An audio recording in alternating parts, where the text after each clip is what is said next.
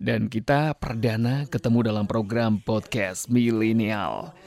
Ini apakah juga ditujukan hanya untuk kawula muda saja ya, anak-anak ABG, teenagers ya, youngster ya atau apa dan sekitarnya atau seperti apa? Nanti kita akan coba berbincang-bincang bersama dengan rekan kita ya. Biar lebih enak. Ini saya panggilnya apa ini? Abang, hijau, kuning atau Mas, perak atau perunggu nih? D aja Mas kayaknya. D aja ya. Wah nggak asik kalau D ya. Kesannya itu ada tingkatan jadinya ya. Iya, jadi biar kita ah gitu aja ya. Sama-sama gitu ya. Baik kita panggil Mas Salim Albasam saja ya. Siap. Yang sudah hadir di studio. Di kesempatan kali ini tentunya kita akan ngobrol-ngobrol ya. Biar suasana malam kali ini agak beda ya, karena memang ternyata juga banyak anak muda yang jam-jam segini masih belum tidur ya. Betul, betul. Masih begitu apa namanya? Ya, sekarang itu mereka memang agak dekat coba mohon maaf agak nah Oke. biar nah biar kedengaran Sekarang mereka memang hmm. nggak minat banget nonton yang namanya model televisi dan sebagainya. gitu ya nggak zamannya Iya, gitu udah. gitu mungkin ya Ya bagi kita itu udah nggak zamannya juga sih betul. out of date ya Ya, aduh Iya nggak nggak ngehip. ya itu udah nggak trennya nggak seperti Iya. itu ya jadi kalau masih nonton TV di jam-jam segini gimana gitu loh ya ya. dan sekarang zamannya apa nih kalau anak-anak muda jam-jam segini itu pada ngapain begitu Biasanya mereka Hmm. itu eh, kita bisa lihat eh, apa tema kita dulu yang pertama kita Ya. mungkin akan bahas podcast itu apa gitu ya. ya Mungkin kan banyak teman-teman yang masih penasaran apa itu podcast. Hmm. Terus kemudian millennials gitu. Mhm. Jadi mungkin Mas Peter udah tahu lama. Jadi memang ya kodarullah ya dari zaman apa madrasah terus kemudian SMP, SMK itu nggak pernah yang namanya saya itu nggak ketemu yang namanya eh, dunia organisasi remaja. Jadi ya ketua OSIS, ketua IPM, ketua kelas dan sebagainya sampai di pesantren kemudian akhirnya eh, ke kuliah dan sebagainya.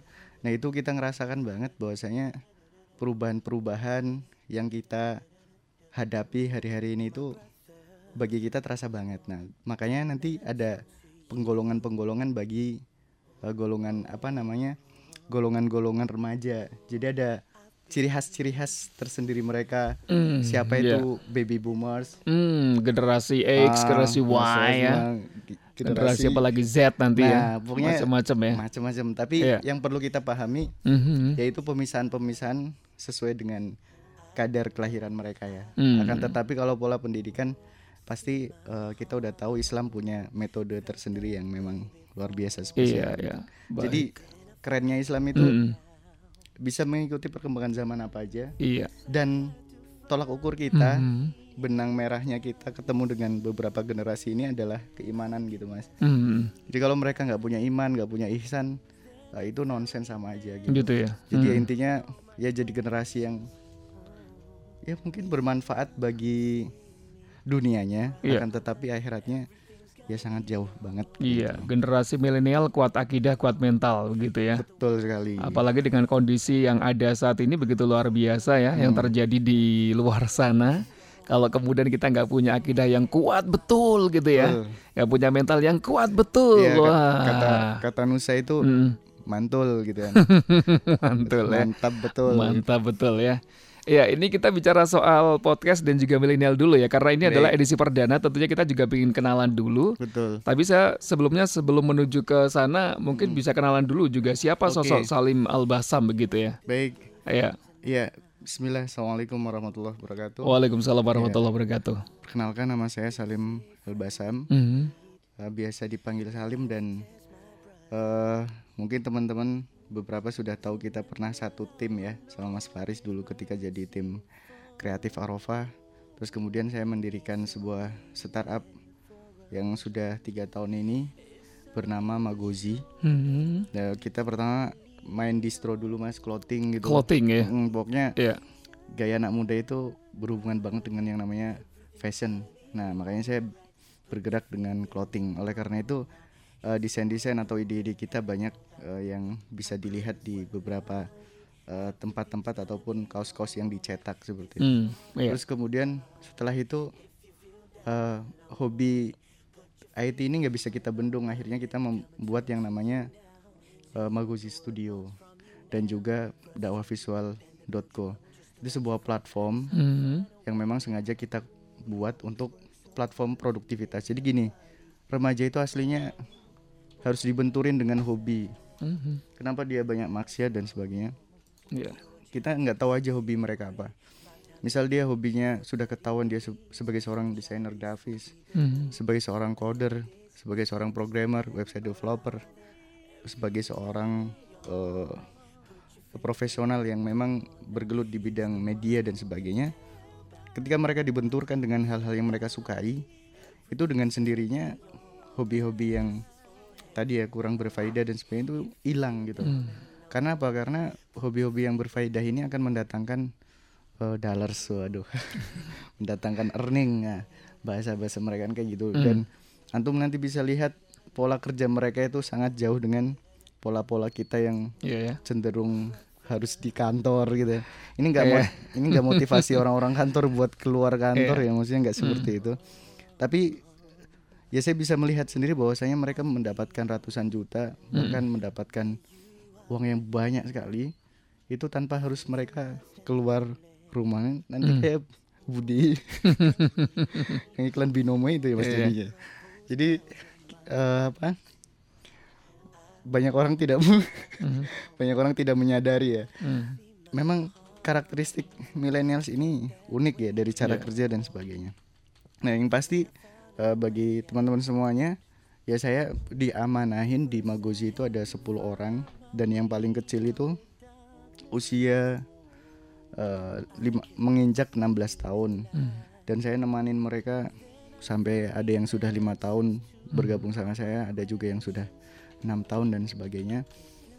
Jadi betul-betul merasakan ditambah santri-santri tadi ya. Santri-santri saya di Darul Fitro Hmm. terus kemudian di Islamic Digital Boarding College tempatnya Ustadz Junaidi Alfan itu jadi semakin tahu aduh karakter mereka ini semakin ke sini semakin Hmm. gimana karena disrupsi ini kan sangat Iya. kuat banget dan eh, teknologi ini hitungannya bukan menit ya mas hitungannya detik gitu jadi setiap detik kita ini aduh kita udah terasa jauh dan ketinggalan banget gitu Perubahannya begitu cepat banget nah ya. ditambah ini lagi ngetrennya Hmm. AI ya Hmm. artificial Artificial intelligence intelligence. nah Hmm. yang, yang memang mesin itu dibuat untuk meniru kecerdasan buatan Iya. manusia ya kurang lebih eh, mereka memang cenderung eh, pola kerja dan sebagainya itu lebih banyak di depan komputer dan gak terkait dengan waktu intinya mereka tapi mereka tetap bisa disiplin karena sistem mereka remote mereka Hmm. punya aplikasi khusus Iya.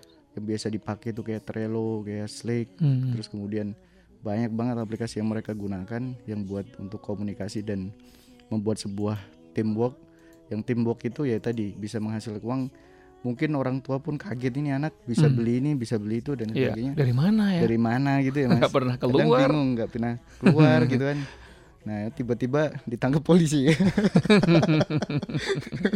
ya mungkin hacker gitu kan nggak tahu Hacker. dan nah, Hmm. jadi ya kurang lebih kegiatan mereka itu seperti itu Iya. dan alhamdulillah yang di Magozi ini termasuk anak-anak yang nggak mau masuk kayak Mahat Ali gitu Ah, gitu ya. sama, sama orang tuanya titipin gitu kan Hmm.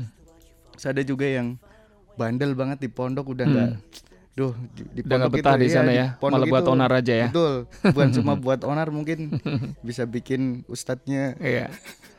Mun dia pokoknya tingkah-tingkah pola Hmm. seperti itulah. Oh, iya. Akhirnya ya mereka beberapa ini di sini saya bukan promo penampungan ya, tapi ini hanya orang-orang tertentu yang saya Hmm. apa terima karena betul-betul Iya. mungkin orang tuanya butuh. Akhirnya ya kita bersabar cara didik mereka seperti apa dan akhirnya masya Allah di waktu dua tahun itu mereka menemukan ciri khas mereka masing-masing. Hmm, gitu ya. Polanya sudah mulai Ah, ketemu ya. Ada yang jadi youtuber, alhamdulillah. Iya. Ada yang jadi programmer profesional, bahkan kemarin dapat Iya. eh, langsung dapat sertifikat dari Google Developer dan sebagainya. Hmm. Terus kemudian ada juga eh, yang hobi di bidang apa namanya eh, teknologi yang lain dan ada juga yang hobi eh, di skill-skill yang memang sekarang lagi kita butuhkan seperti Hmm. skill Iya. pra eh, pracetak, praproduksi dan sebagainya. dan rata-rata saya bangganya sama mereka kuliah nggak ada yang minta orang tua ya orang tua. Dan- menjaga izah betul masya allah jadi nah ini maksud saya Hmm, iya, iya, iya. ciri khas salah satu ciri khas milenial yang menurut saya Ini yang positif Yang ya, positif. yang positif ya. Dan memang kita pinginnya bicara soal positif ya dan Iya. juga optimistis tentunya ya. apalagi radio dakwah Nah, kan, itu radio dia ya. dakwah syariah jadi kita Hmm. bicaranya bukan yang apa namanya Mhm. eh, negatifnya pasti Iya. yang positif positif dari Hmm. mereka kemudian mereka juga bisa ngatur manage waktu untuk taklim Gitu ya. bahkan kelas ngajinya mereka itu berbeda Hmm. dengan orang tua mereka mas mereka punya tolak ukur Mhm. Cara mereka milih ustadz seperti apa kayak gitu Hmm, gitu ya. mereka harus standarnya harus alumni Medina ya kan Iya. harus alumni Ada apa, standarisasi juga ya betul ternyata ya. alumni Sudan Hmm. alumni Mauritania dan sebagainya Hmm. pokoknya mereka sudah punya standarisasi kenapa kok mereka punya Hmm. standarisasi kayak gitu Iya. mereka tahu bahwa eh, mereka harus belajar dengan ulama yang dekat dengan eh, apa namanya eh, wahyu itu turun Hmm. jadi mereka betul-betul misalkan ada stigma ustadz tersebut wahabi ya s- radikal dan Hmm. sebagainya wah mereka udah nggak mempan mereka itu punya eh, apa mesin sendiri tolak Hmm. ukur sendiri bahwa ustadz ini ustadz gue banget gitu jadi memang eh, karakter mereka sangat bagi orang tua baby boomers mungkin sulit Hmm. ditebak Ah, tapi itu dia. bagi kita yang sudah biasa main bareng dan semuanya itu Iya. sebenarnya mereka itu cuma ya butuh tempat untuk apa namanya eh, platform yang bisa mengantarkan mereka menjadi lebih produktif dan ujung-ujungnya ketika Hmm. mereka punya uang dan saya tahu persis bahkan bisa bantu adiknya Hmm, iya, orang iya. tuanya Eh, gitu. gitu ya. bahkan mungkin ada beberapa orang tua di sini yang mendengar pendengar ya jadi Mm. tiba-tiba anaknya ngasih sesuatu dan sebagainya dan itu dari hasil karya-karya mereka gitu dan insya Allah beberapa karya mereka banyak sekali yang halal gitu Iya, iya. walaupun ada beberapa yang mungkin harus ada kacamata Hmm. syar'i di situ yang harus diperhatikan Iya. Jadi terharu nih ya. Iya, ini jadi memang beda banget ya antara generasi tadi baby boomer ya, generasi zaman dulu. Mungkin Nah. ada sebagian pendengar kita memang yang belum akrab ya dengan sebutan-sebutan atau istilah-istilah semacam itu nih ya. iya Baby boomers itu apa, Iya, generasi kita- kita Y belum. itu apa, X Nah. itu apa. Ini kan ada beberapa yang belum paham juga ya. Betul. Tapi nggak apa-apa ya, sambil mengikuti nanti insya Allah juga paham. Iya, Tapi yang jelas untuk acara kita memang lebih kepada sisi milenial ya. betul Jadi kalau mil- milenial itu katanya lebih dekat dengan yang namanya teknologi, betul nggak? iya betul sekali jadi Betul gini ya. memang kita harus Hmm. eh, yang pertama saya bahas podcast dulu nih mas Podcast dulu ya, Nah, podcast dulu. Ini apa nih podcast dulu ini? biar- Barang apa nih podcast Oke. ini? podcast ini Hmm. eh, bagi teman-teman yang punya Apple ataupun Hmm. eh, punya iPad Iya. ataupun punya barang-barang branded dari Amerika ya. Hmm. Emang segala sesuatu sekarang itu ngetren itu kiblatnya dari sana ya Mas, dari Hmm. barat. Pokoknya ciri khas peradaban dikuasai Hmm. sebuah bangsa Hmm. itu kita sering Rimba. mendengar ya Hmm.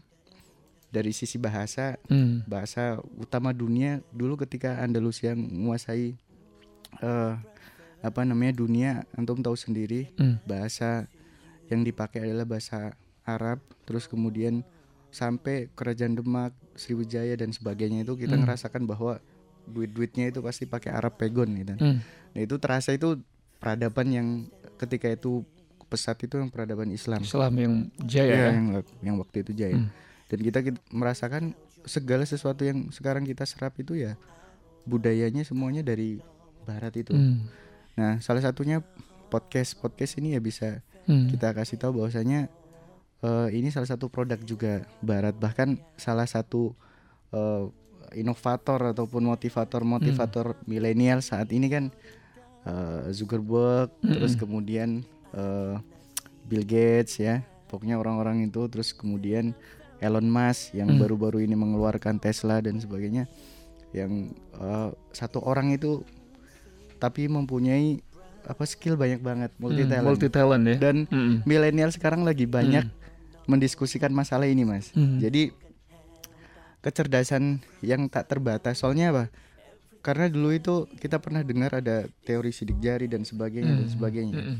Wah, kalau teman-teman milenial itu menolak banget teori-teori Hmm. seperti itu karena apa Eh, kita punya teman-teman milenial yang eh, apa tidak punya tangan bahasa ininya apa mas Eh, Tidak punya, oh ya ya. tidak punya tangan, tidak punya kaki, Hmm. terus kemudian tapi mereka bisa jaya bisa skillnya bisa Tunakarya kalau dalam Ah. bahasa itu ya. bi- bisa hebat Hmm. itu itu gimana kalau ditesnya lewat sidik Hmm. jari coba antum bisa bayangin tapi dia bisa jadi orang hebat Hmm. nah terus kemudian kita juga lihat Elon Musk ya Hmm. Elon Musk itu ahli fisika Hmm. terus kemudian kita dulu punya ulama-ulama besar kita itu Iya. semuanya rata-rata ahli fisika terus kemudian ahli apa namanya penerbangan dan semuanya itu Hmm. memang satu orang bisa menguasai beberapa skill dan kita kaget-kaget sekarang padahal dulu kalau kita baca tentang Andalusia dan sebagainya itu wah luar biasa banget ulama-ulama kita itu dari dulu sudah udah seperti itu karakternya dan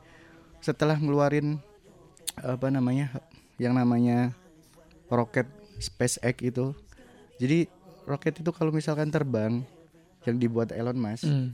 itu eh, peluncurnya itu ke bawah mas Hmm. nah dan itu nilainya kan apa namanya mahal banget Iya. dan nggak balik lagi Hmm. nah itu nilainya sampai miliaran nah si Elon Musk ini bikin SpaceX eh, salah satu roket ciptaannya dia terus Hmm. ketika sudah terbang si peluncurnya itu bisa pulang lagi Hmm. ke titik yang dia tentuin Oh gitu Dan ya. Hmm. bisa hemat berapa miliar tuh Hmm. Nah, itu eh, idola salah satu idola-idola anak milenial sekarang adalah Hmm.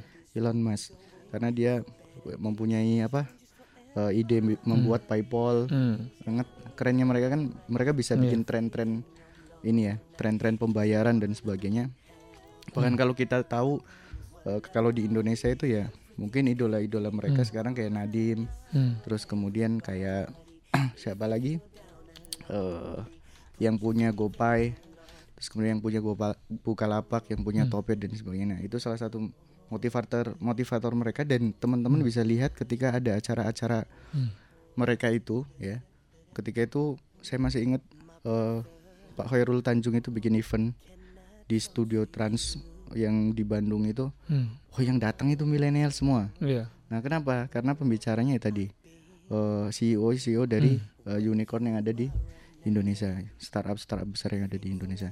Itu contoh pergerakan-pergerakan yang bisa kita lihat dari teman-teman millennials itu seperti itu. Intinya pengen menciptakan sesuatu yang baru, mencari solusi. Hmm. Jangan diajak untuk memikirkan masa lalu. Hmm. Kita itu jangan diajak memikirkan masa lalu. Ayo kita diajak untuk memikirkan Masa depan, ya. Kalau kita Iya. disuruh mikirin masa lalu, Hmm. nggak nggak mungkin mau bahkan proyeknya Hmm. banyak yang mangkrak tapi kalau kita diamani untuk membuat sesuatu yang eh, baru yang Hmm. keren dan menjadi solusi umat itu mereka akan sangat minat banget dan Hmm. Dan salah satu yang bisa kita rasakan dari perannya milenial saat ini adalah dakwah-dakwah ustadz yang Hmm. antum bisa rasakan sangat Iya.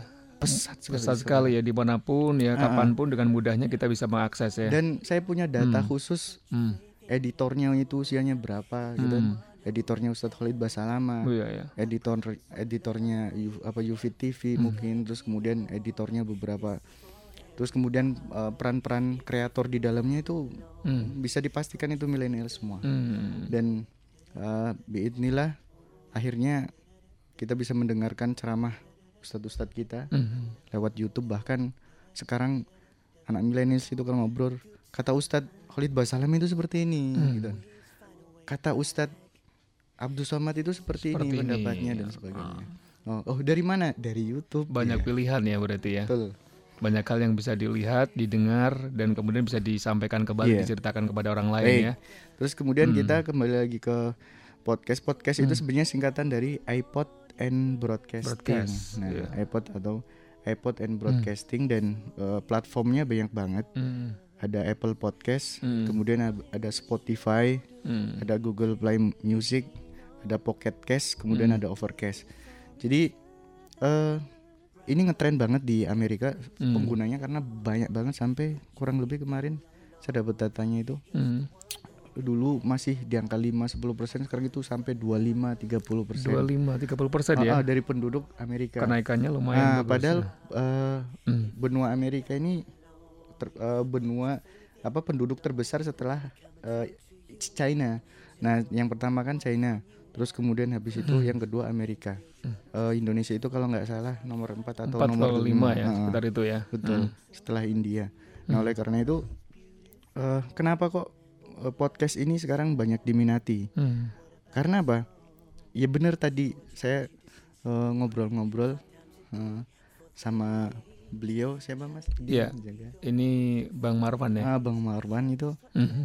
karena ibu-ibu suka banget dengerin suara doang. Nah, Hmm, podcast ini iya. bedanya apa? Podcast bisa disetting sendiri. Mau Hmm. dengerin apa? Ya disetting sendiri. eh, nanti denger eh, misalkan nih dulu kita taunya kan Winem Hmm, diacak-acak iya. sendiri dan sebagainya. nah kalau ini kan platform Iya, yang iya. memang dibuat pusat dan kita harus berbayar. Hmm. Nah, dan podcast podcast podcast ataupun siaran-siaran yang dibuat oleh radio-radio itu Hmm. kalau dimasukin ke dalam Apple Podcast itu Hmm. bisa jadi dollars mas, bisa Hmm. jadi uang gitu. Iya. Dan itu nilai sangat tinggi banget dan yang unik banget nih podcast yang ada di luar-luar sana itu sampai podcast jogging mas. Hmm. Misal gini, antum bisa bayangin Iya. kita pengen kurus nih. Hmm. Nah ada mentor yang bikin Mentornya. podcast Iya. khusus jogging. Khusus itu aja ya, bahas Dan keluar itu aja ya. betul. Dan All about jogging. betul si mentornya itu Iya. lucu banget Mhm. dan antum bisa ngerasain aneh banget gak sih ya? Hmm. kita disuruh ayo lari cepat cepat cepat go go go go itu dengan Ya suara dengerin mereka. ikuti ya mesti ya, Betul. ikuti ya gimana Nah, caranya. nah itu jadi itu baru uh, Hmm. satu ini ya satu apa namanya Ya satu tema ya, satu, satu, tema ya. belum yang masak Hmm. belum yang kisah-kisah Banyak horor- banget berarti ya. banyak banget Hmm. dan itu semuanya jadi Hmm. fulus Hmm. nah semuanya jadi fulus semuanya jadi uang dan sebagainya dan Hmm. ini kelebihan podcast salah satunya itu. Jadi mereka bisa milih uh, seluruh stasiun yang ada di dunia. Mereka bisa milih siapa artis-artis mereka yang mau mereka ikuti dan sebagainya. Dan lewat sebuah platform. Platform itu kalau di Indonesia yang ngetrend Spotify terus kemudian Apple Podcast terus kemudian Google Play Music. Tapi Google Play Music ini banyak nggak peminatnya sangat sedikit. Rata-rata larinya ke Spotify. Spotify ya. nah dulu kita Hmm.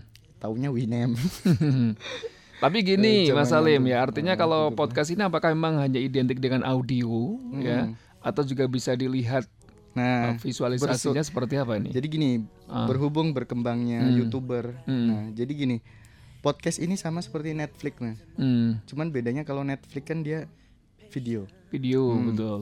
Nah, Netflix itu video dan Hmm. terakhir yang lagi viral kan dia ngeluarin Mesia ya, Hmm. apa video Mesia itu.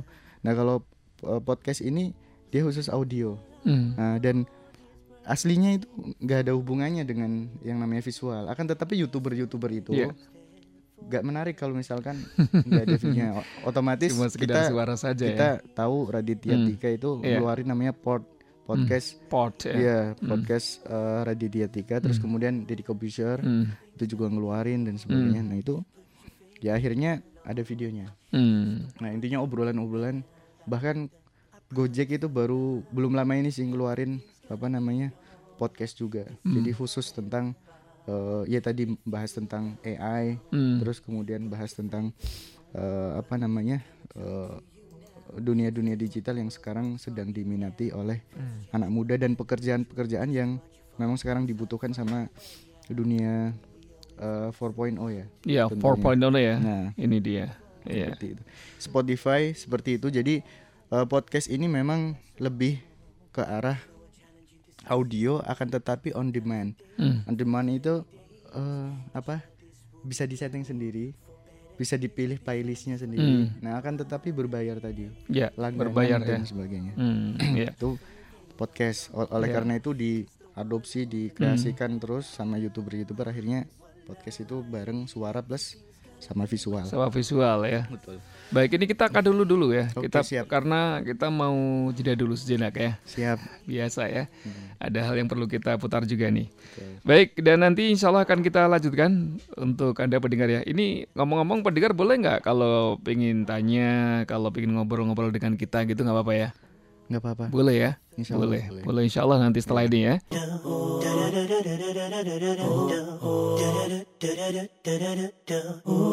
My brother, can I talk to you? Oh, Iya, terima kasih untuk Anda yang masih terus setia bergabung bersama dengan kami dalam program podcast Milenial ya. Bersama dengan kita berdua ada Salim Al-Basam dan juga Faris Taslimi ya. Dan sampai dengan nanti di jam 10 waktu Indonesia bagian Barat, ini jam-jam yang krusial juga ya, di jam 10 ini ya nanti ya. Biasanya sudah mulai ada yang ngantuk ya barangkali ya. Tapi nggak apa-apa, kita masih bahas seputar podcast milenial ya. Memperkenalkan dulu program kita itu apa ya. Podcast itu tadi apa ya. Kemudian juga milenial itu apa. Sudah tahu ya berarti ya. Nah, tinggal nanti memang sebenarnya acara ini juga bukan sebatas hanya untuk kalangan anak-anak milenial, bukan juga begitu ya. Karena juga orang-orang tua juga perlu untuk ngerti, Iya, betul. ya nggak paham juga. Oh ternyata seperti itu ya identitas remaja saat ini kan Iya, begitu ya. Kita takutnya malah Hmm. eh, orang tua sekarang cenderung banyak eh, dalam tanda kutip dibodohin ya, dibodohin di sini. Ya, ya tadi banyak hal yang belum diketahui oleh belum orang diketahui tua. ya. Bahkan mungkin kayak beli spek laptop gitu. Ah. Wah ini yang sering Banyak terjadi itu, gitu. banyak ya. Hmm. Nah sebenarnya mereka belum butuh spek terlalu tinggi kalau dia memang eh, apa Tergantung kegiatan. kebutuhan Betul, sebenarnya ya. Tergantung Hmm. harus relevan juga. Iya. Akan tetapi ya tadi orang tua nggak tahu bahwasanya harus tahu. kayak gini kayak gini ternyata buat tadi lebih banyak ngegamenya lebih Gamenya itu dia ya. banyak gitu. Itu yang perlu diketahui juga ya. Betul. Jadi program ini juga nanti salah satunya imbasnya ke sana nih ibu-ibu dan juga bapak-bapak ya. Bagaimana kemudian sebagai orang tua juga harus smart ya, cerdas juga melihat segala sesuatu perkembangan yang ada ya. Iya. Karena zaman dulu dengan zaman sekarang beda banget ya. Ini yang perlu diketahui dan diikuti terus Betul ya. betul. Perubahannya agar kemudian kita tidak ketinggalan zaman dan kemudian juga kita tidak mudah apa ya tadi tertipu ya dalam bahasanya ya. Iya. agak ditipu-tipu dan sebagainya barangkali. Hmm. pengen speknya terlalu tinggi ternyata hanya untuk game aja ya. Iya. nggak ada manfaat yang lebih ya. Nah. Ini yang perlu juga diamati oleh para orang tua nih. Ya tadi kita sudah bicara soal podcast semacam itu ya. Iya, berarti lebih sekarang- identik dengan audio. Yang jelas seperti itu ya. Kenapa kemudian audio ini penting? Padahal kan sa- saat ini kalau kita ya nggak? Iya. kok nggak kelihatan kan gitu? Kenapa ini? Ini ya, kelebihannya apa begitu kalau di radio kan kalau kelebihannya begitu ya Mm-mm. radio itu salah satunya bisa disambi ya Iya. disambi Boyolali ya kalau ini Iya. apa nih Kalau podcast sendiri eh, ya tadi Hmm. kita bisa mengikuti apa Iya. podcast-podcast yang kita mau Hmm. dan itu udah satu paket yang udah di upload di dalam platform tadi ya kayak Hmm. Spotify maupun di Apple Podcast itu dan kita mendapatkan info-info menarik, Hmm. tips-tips menarik dan sebagainya dan itu berbayar semua. Bahkan ini saya tadi sempat membaca bahwa orang Amerika itu menghab- menghabiskan ya kurang lebih 36 juta lah. Ada Iya. yang satu bulan untuk bayar tadi bayar Spotify maupun Hmm. eh, apa namanya Apple Podcast untuk bayar-bayar kuliah-kuliah seperti itu, Kuliahnya, kuliah eh, apa Hmm. untuk voice voice yang ya, bermanfaat voice. pembelajar pelajaran. Hmm.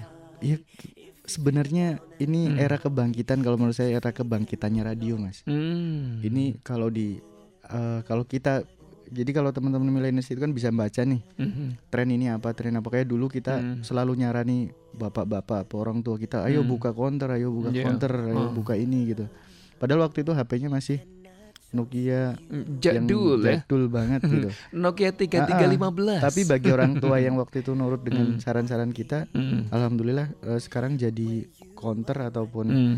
eh, jadi toko yang besar mas untuk Hmm. penjualan aksesoris maupun yang lain-lain Hmm. karena ternyata memang dampaknya sangat luar biasa luar biasa ya Terus kalau kita tahu Hmm. eh, kengerian-kengerian millennials yang ya, millennials yang lain yaitu Hmm. ketika mereka membuat produk, contohnya Hmm. dulu eh, Google itu dicuekin ketika mau kerjasama dengan Yahoo, ya. Hmm. Apa Google, tim Google dan sebagainya masih muda-muda itu ngajak kerjasama dengan eh, Yahoo Messenger dan kita tahu Yahoo Messenger gimana riwayatnya sekarang. Iya. Nah kayak gitu. Terus banyak banget lah eh, contoh-contoh yang ide-ide yang menurut mereka nggak masuk akal ya. Hmm. Kayak waktu itu JNE didatengin sama Topet nggak percaya gitu kan. Apa ini maksudnya gitu kan. Hmm. Tapi sekarang mereka malah eh, senang banget ketika Iya. kerjasama dengan Shopee maupun sesuatu hal yang tidak terpikirkan sebelumnya barangkali ya dan mungkin Hmm. di angan-angan mereka "Oh, nggak mungkin nih Hmm. ini dan sebagainya. ya Nah, sekarang antum bisa ngerasain orang yang namanya aslinya kan GoFood dibuat itu untuk orang-orang malas Hmm. keluar gitu. Dan ini udah musim hujan seperti ini. Apalagi bisa ya. bayangin lah. Hmm. Misalkan si si apa namanya? si Nadim itu ngambil 2000 perak lah per transaksi. Antum kalikan aja Dikalikan. eh, detik itu siapa yang beli martabak, Wah, itu siapa dia ya. yang beli apa N kalinya itu yang banyak, N kalinya itu. ya itulah bisnis-bisnis yang Hmm. eh, apa menurut kita kacamata teman-teman millennials itu emang yang harus sedang kita buat, sedang kita kejar yaitu bisnis bikin tren gitu. Hmm. Ya bikin tren itu memang menarik. Hmm. Kemudian eh, Mas Peter kayaknya ada yang ket- eh, ketinggalan tadi itu yaitu mungkin teman-teman yang di rumah masih bingung tentang awal generasi-generasi yang kita apa dengar saat ini. ya. Yang pertama adalah mungkin kita harus menceritakan generasi tradisionalis Hmm. itu ini usia 1922 sampai 1945 kelahirannya. Kelahirannya ya. Ah, ini memang betul-betul Hmm. terakhir pada zaman betul-betul depresi Hmm. akibat krisis ekonomi global. Terus kemudian ketika awal Perang Dunia II dan sebagainya. Sebagai sebagian besar ini udah jadi veteran, Mas. Hmm. Orang yang jiwanya patriotnya tinggi dan menceritakan Iya. tentang kenangan-kenangan untuk eh, apa namanya bangkit, Hmm. peperangan dan sebagainya. Iya. Dan ini rata-rata sudah usia 80 tahunan kalau sekarang. Hmm. Berikutnya adalah baby boomers. Baby boomers ini 1946 1964 ya. Hmm. Ini kebanyakan dari orang tua kita ini termasuk kelompok Iya, ini. orang tua kita. Ya, betul. Baby boomers. Hidupnya cenderung berorientasi pada pencapaian dalam karir yang konsisten. konsisten. Contohnya harus jadi PNS. gitu. harus jadi pegawai lah ya. Harus jadi orang kantoran. Harus jadi orang ya. kantoran Iya, pagi harus pergi Nah. ya, pakai sepatu, Betul. baju gitu ya, lagi Iya, rapi. Padahal Iya, iya. sekarang eh, selevel Google aja Hmm. ketika membuat ini, membuat apa namanya, Hmm. meng-hire tim, Hmm. meng-hire orang itu dia nggak pakai seperti itu, Hmm. pakainya portofolio ataupun skill yang mereka punya, walaupun dia itu Iya. lulusan SMP, lulusan Iya, iya. SMA, tapi skill eh, bahasanya bagus, Hmm. kemudian skill codingnya bagus, itu sangat memungkinkan dia bisa kerja di eh, perusahaan-perusahaan digital. Iya. Karena rata-rata coder yang ada di Bukalapak Hmm. yang ada di Topet dan sebagainya itu banyak juga yang dari kalangan teman-teman muslim, ihwan-ihwan, dari teman-teman ngaji dan sebagainya. Hmm. Nah, berikutnya eh, baby boomers ini seperti inilah kurang lebih. Terus kemudian mereka kini udah mulai akrab sih dengan yang namanya gadget. Mau tidak Eh, mau, mau ya. tidak mau harus Iya. mau pakai WA, Realitanya semacam itu ya. gitu. mau pakai WA, mau pakai Iya. Telegram ya. Meskipun dengan ya mohon maaf barangkali ya.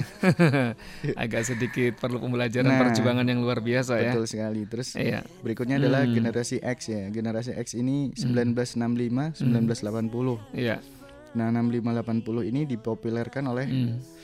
eh, sebuah novel sebenarnya dia Hmm. bikin novel eh, seorang tokoh di Amerika itu kemudian dia bikin yang namanya eh, sebuah buku yaitu ketika eh, mereka membuat sebuah culture yang ditulis melihat pola asuh kedua orang tua yang banyak menghabiskan waktu untuk bekerja generasi X mengikuti jejak tersebut. Jadi generasi-generasi ini tuh orientasinya udah genah si penting kerja Gitu ya. ini perbedaan banget Sekolah penting kerja juga Eh, ya. Pokoknya yang di Orientasinya ya. orientasi mereka punya Tetap rumah sana ya. kerja. Punya rumah kerja gitu Iya ya. rata-rata makanya ketika sudah punya rumah Gajian ya. gaji dan Hmm. besar itu ya udah tinggal nunggu meninggal aja mas. Gitu ya. Nah ini nggak nggak nggak relevan banget dengan Hmm. apa yang dipikirkan milenials. Milenials itu masih muda pengen bermanfaat. Pengen bermanfaat ya. Betul. Punya ilmu sedikit pengen di share. Hmm. Nah eh, kenapa seperti itu? Mereka udah tahu tentang Hmm. baliguni walau ayah. Terus kemudian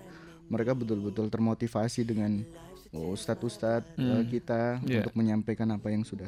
Nah beda banget orientasinya mereka itu punya si millennials ini punya Hmm. uang sedikit, udah berani infak, udah berani apa melakukan hal-hal yang mungkin eh, bisa dikatakan superhero lah gitu Iya. untuk apa memberi kebaikan di sekitarnya Hmm.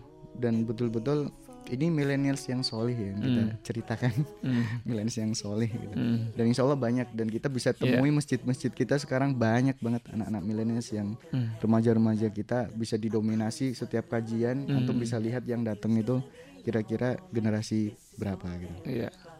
itu eh, generasi X kemudian berikutnya kita bicara generasi eh, millennials ya. Ini 1981 sampai 94 ini batasnya sampai 94 nah, saya 90-an nah Mas Peter kayaknya 19 Dia masuk termasuk Nah, juga ya. itu masuk emang masuk millennials mas.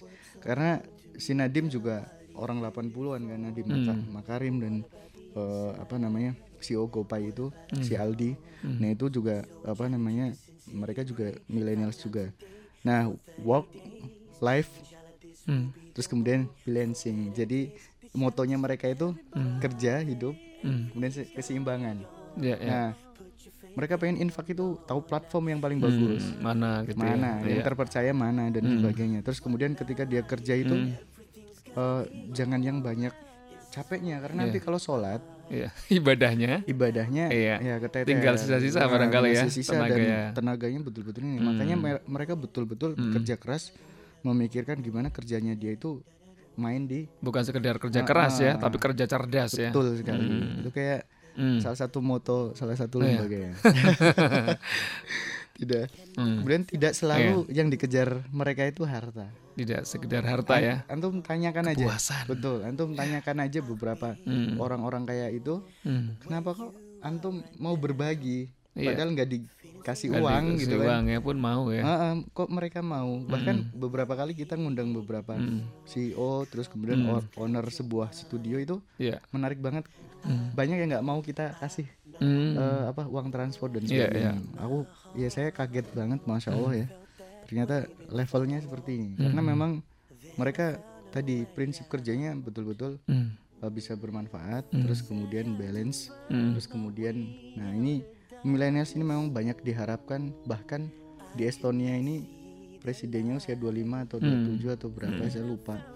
Ini emang lagi diharap-harapkan digadang-gadang di beberapa negara untuk jadi pemimpin masa depan. Hmm. karena setelah generasi itu eh, generasi-generasi yang bisa dikatakan generasi penikmat mas. Hmm.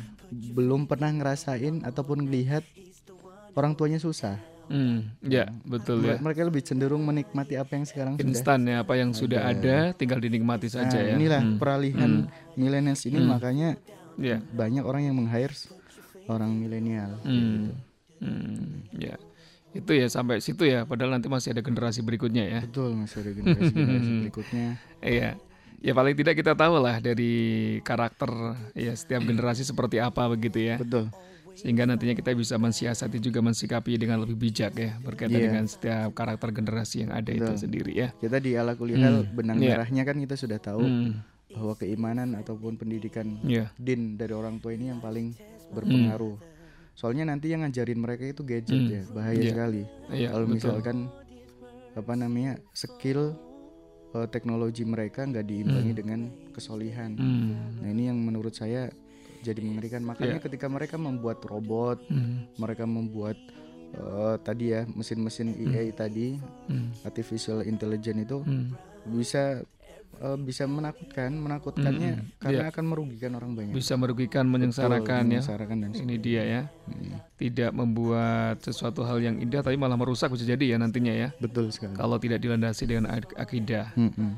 Nah ini kan orang-orang milenial dekat dengan teknologi dan sebagainya ya. Meskipun demikian memang perlu juga dong yang namanya face to face ya, tatap muka. Iya. Iya kan? Nah, heeh.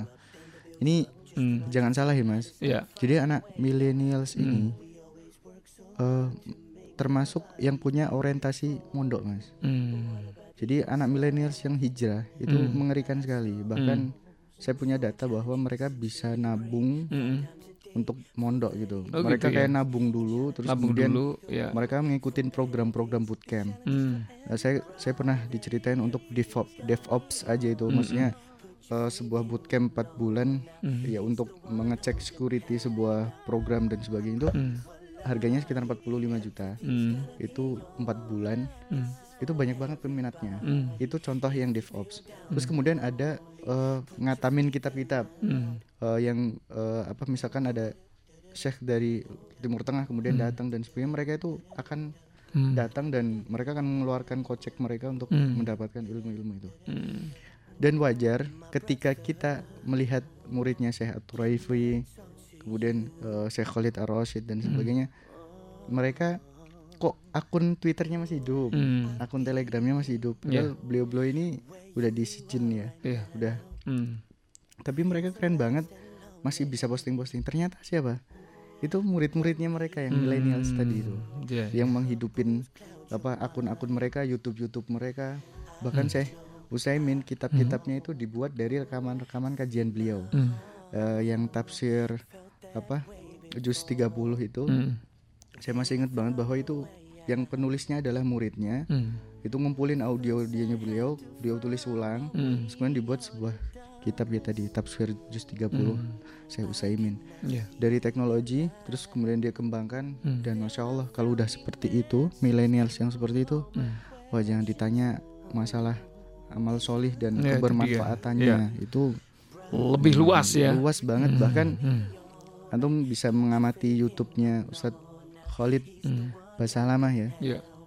beliau memulai kurang lebih tahun 2017 Hmm. terus kemudian sekarang yang masuk eh, Islam lewat beliau Hmm. dari kajian-kajian beliau itu yang sudah diupload oleh beliau itu 8 orang Hmm.